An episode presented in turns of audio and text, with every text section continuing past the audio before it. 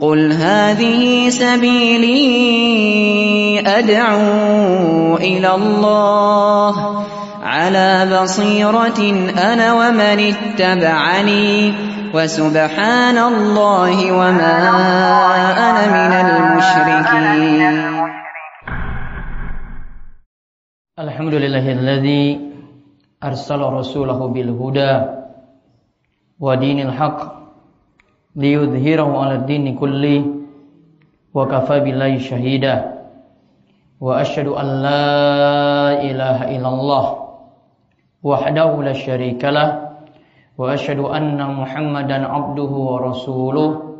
Allahumma salli ala nabiyyina Muhammad wa ala alihi wa man tabi'ahum bi isanin ila yaumiddin Qala Allah Ta'ala fi kitabil karim Ya ayyuhalladzina amanu taqullaha haqqa tuqatih wa la tamutunna illa wa antum muslimun. Wa qala ta'ala Ya ayyuhan nasu taqu rabbakum alladhi khalaqakum min nafsi wahidah Wa khalaqa minha zawjaha Wa batsa minhuma rijalan kathiran wa nisaa'a واتقوا الله الذي تساءلون به والأرحام إن الله كان عليكم رقيبا وقال تعالى يا أيها الذين آمنوا اتقوا الله وقولوا قولا سديدا يصلح لكم أعمالكم ويغفر لكم ذنوبكم ومن يطع الله ورسوله فقد فاز فوزا عظيما فإن أصدق الحديث كتاب الله wa khairul huda huda Muhammadin sallallahu alaihi wasallam wa syarrul umuri muhdatsatuha wa kullu muhdatsatin bid'ah wa kullu bid'atin dhalalah wa kullu dhalalatin finnar. Amma ba'du para jamaah salat Jumat rahimani wa rahimakumullah. Kita diperintahkan untuk senantiasa bersyukur pada Allah atas nikmat yang telah Allah anugerahkan kepada kita sekalian Mugi-mugi dengan banyak bersyukur kita akan terus ditambahkan nikmat lainnya dan bersyukur itu mulai dari yang sedikit. Kata An-Nu'man bin Bashir, Rasulullah Shallallahu alaihi wasallam itu bersabda, "Malam yashkuril qalila lam yashkuril kathira." Siapa yang tidak mampu bersyukur dengan yang sedikit, maka dia sulit untuk bersyukur dengan yang banyak. Hadis ini diriwayatkan oleh Imam Ahmad. Juga Allah Subhanahu wa taala berfirman, kalau kita rajin bersyukur maka akan terus ditambahkan nikmat. La in syakartum la azidannakum. Jika kalian itu mau bersyukur, maka aku akan terus menambahkan nikmat kepada kalian. Ini seperti yang disebut dalam surat Ibrahim ayat ke-7. Dan syukur inilah yang kita diperintahkan untuk membuktikannya dengan terus meningkatkan ibadah dan ketakwaan kita pada Allah Subhanahu wa taala sebagaimana yang Allah firmankan dalam surat Ali Imran ayat 102 Ya ayyuhalladzina amanu taqullaha haqqa tuqatih wa la tamutunna illa wa antum muslimun Wahai orang-orang yang beriman bertakwalah kalian kepada Allah dengan sebenar-benarnya takwa dan janganlah kalian itu mati melainkan dalam keadaan menjadi seorang muslim. Salawat dan salam semoga tercurah kepada Nabi akhir zaman yang telah mendapatkan mukjizat paling besar dan menjadi pembuka pintu surga yaitu Nabi besar kita Muhammad sallallahu alaihi wasallam. Pada keluarga beliau juga kepada para sahabat dan setiap orang yang mengikuti salaf tersebut dengan baik hingga akhir zaman. Hari Jumat ini diperintahkan banyak berselawat pada Nabi SAW karena beliau itu bersabda perbanyaklah selawat kepadaku pada setiap Jumat karena selawat umatku akan diperintahkan padaku pada setiap Jumat. Barang siapa yang banyak berselawat kepadaku dialah yang paling dekat denganku pada hari kiamat nanti. Para jamaah sholat Jumat rahimani wa rahimakumullah yang mugi-mugi senantiasa dirahmati dan diberkahi oleh Allah Subhanahu wa taala. Kali ini kita melihat di sekitar kita pola hidup sudah semakin meningkat.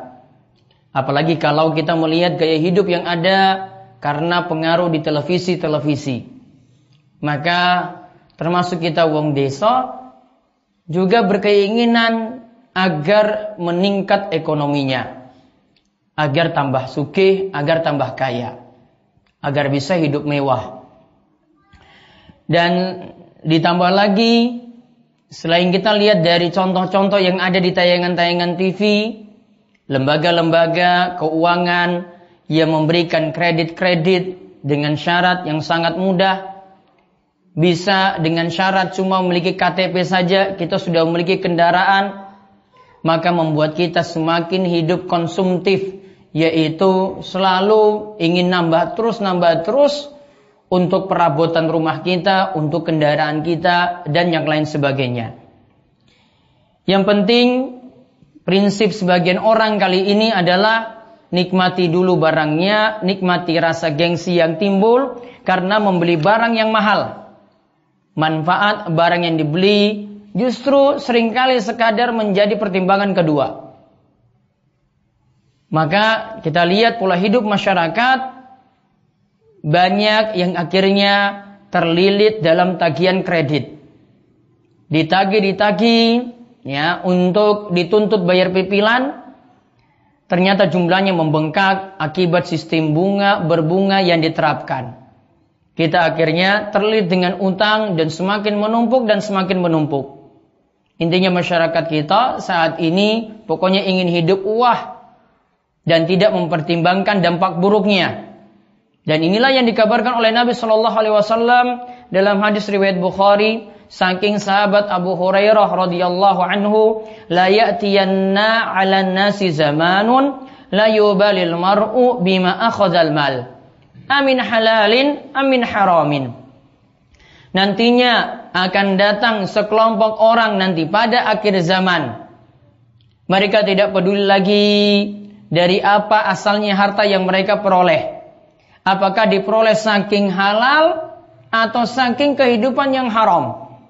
Pokoknya ingin nambah terus, nambah terus harta dan tidak memikirkan itu dari hal ataukah nantinya dari yang haram.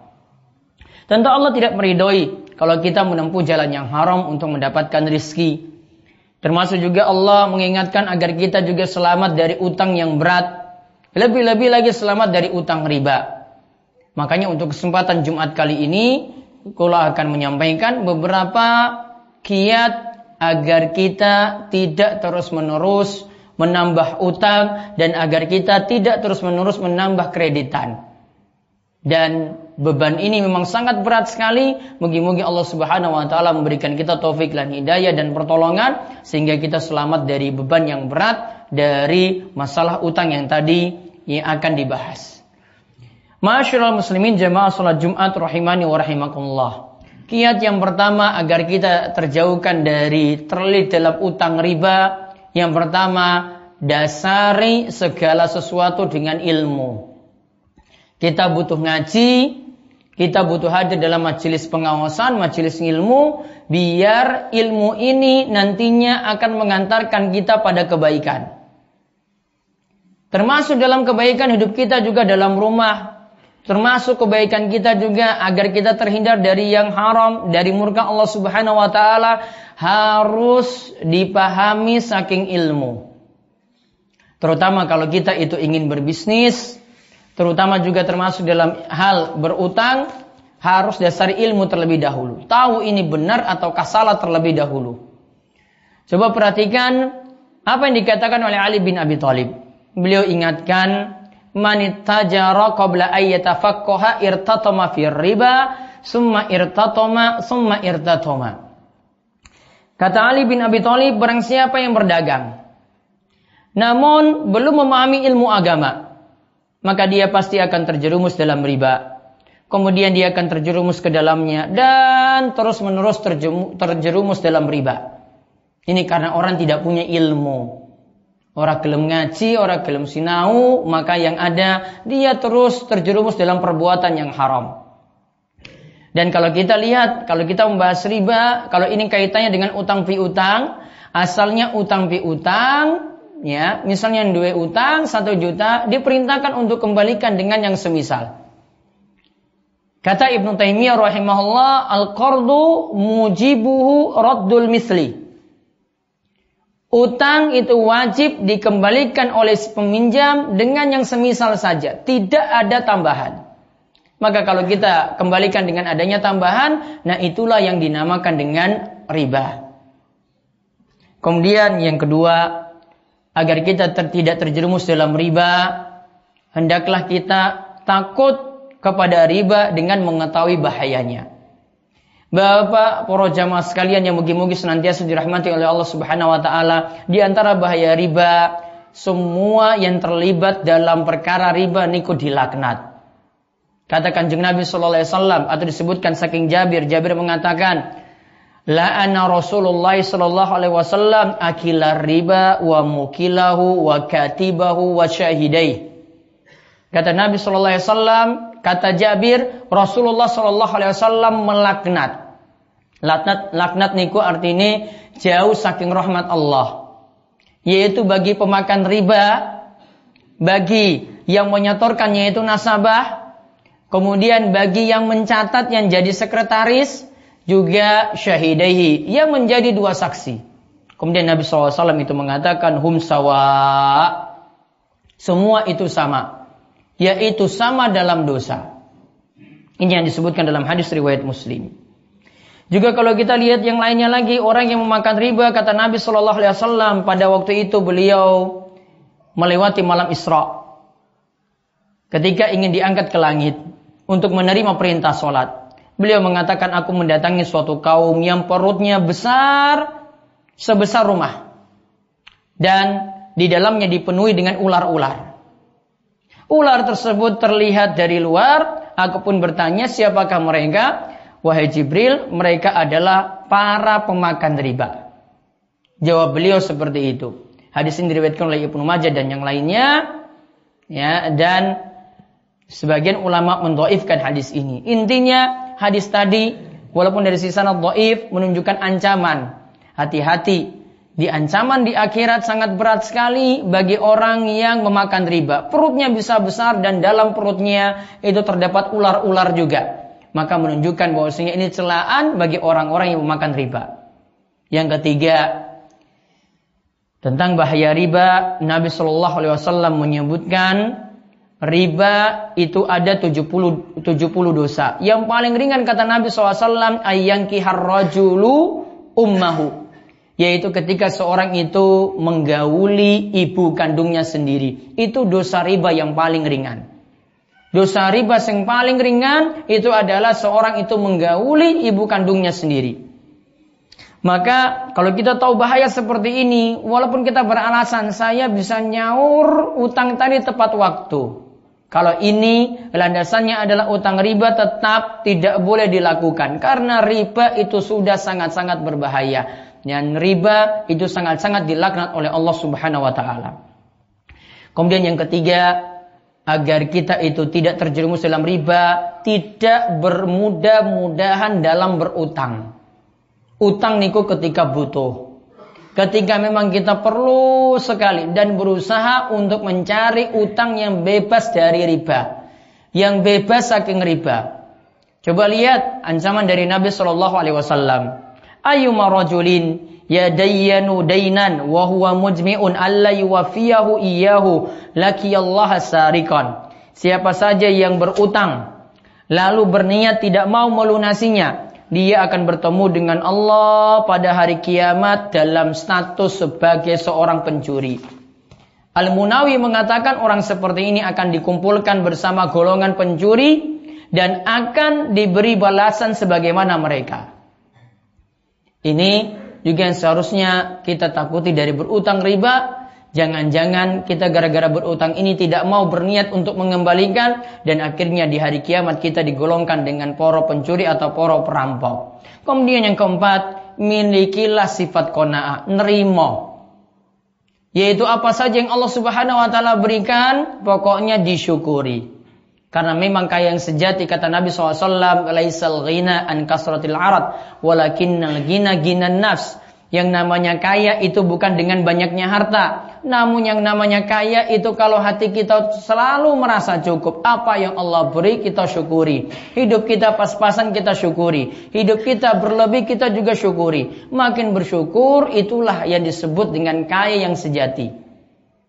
Maka kalau orang itu bersyukur seperti tadi, konaah, nerima apa yang Allah berikan, maka saya dia tidak pernah lagi untuk menambah utang sana sini karena sudah merasa cukup dengan apa yang Allah Subhanahu wa taala berikan.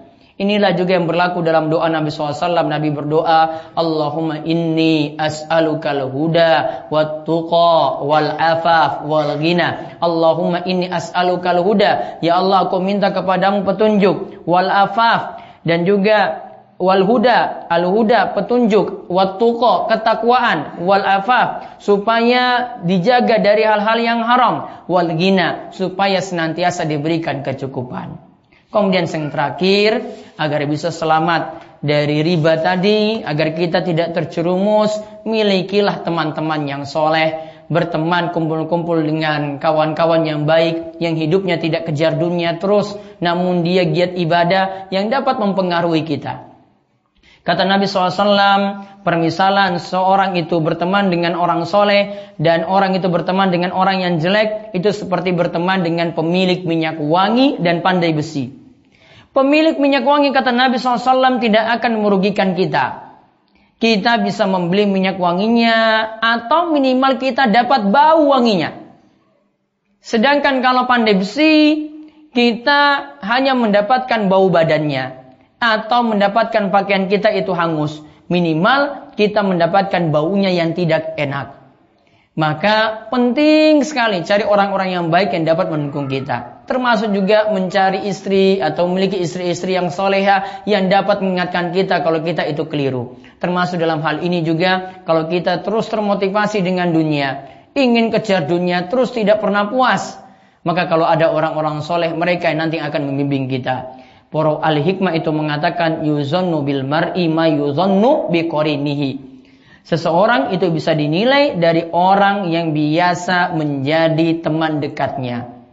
Maka ini kiat-kiat yang bisa kami sampaikan. Aku qouli hadza astaghfirullah li wa lakum muslimin wal muslimat fastaghfiruhu innahu huwal ghafurur rahim.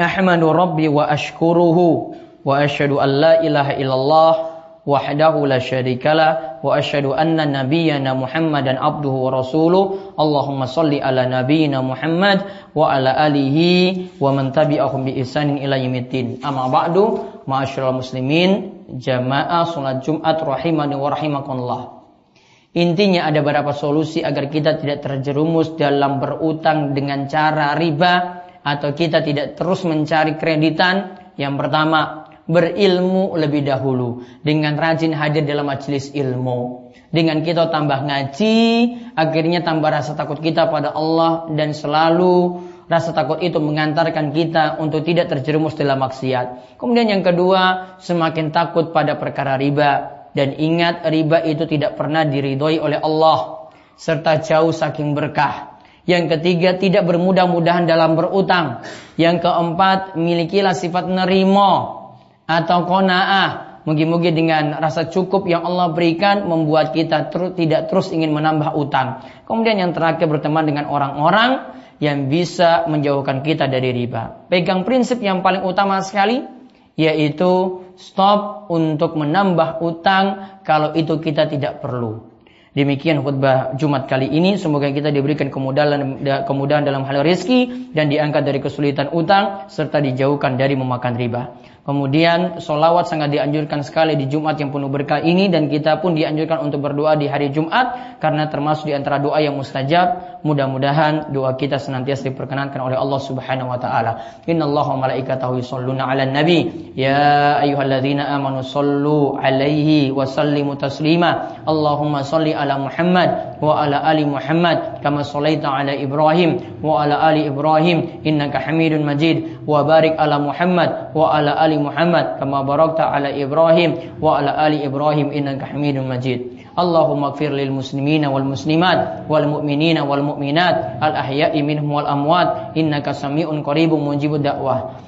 Allahumma alif baina qulubina wa aslih dhata bainina wahdina subulas salam wa najina minadh dhulumati ilan nur wa jannibnal fawahisha ma dhahara minha wa ma batan wa barik lana fi asma'ina wa absarina wa kulubina, wa aswajina wa zuriyatina, wa tub alaina innaka antat tawwabur rahim wa waj'alna syakirina lini amika musnina biha alaik qabilina laha wa atimmaha alaina. Allahumma inna nas'aluka al-huda wa tuqa wal afaf wal ghina. Allahumma kfina bihalalika an haramik wa agnina bifadlika amman siwak. Allahumma asin akibatana fil umuri kulliha. وأجرنا من خزي الدنيا وعذاب الآخرة ربنا آتنا في الدنيا حسنة وفي الآخرة حسنة وقنا عذاب النار صلى الله وصلى الله على نبينا محمد وعلى آله وصحبه ومن تبعهم بإحسان إلى يوم الدين وآخر دعوانا أن الحمد لله رب العالمين أقيموا الصلاة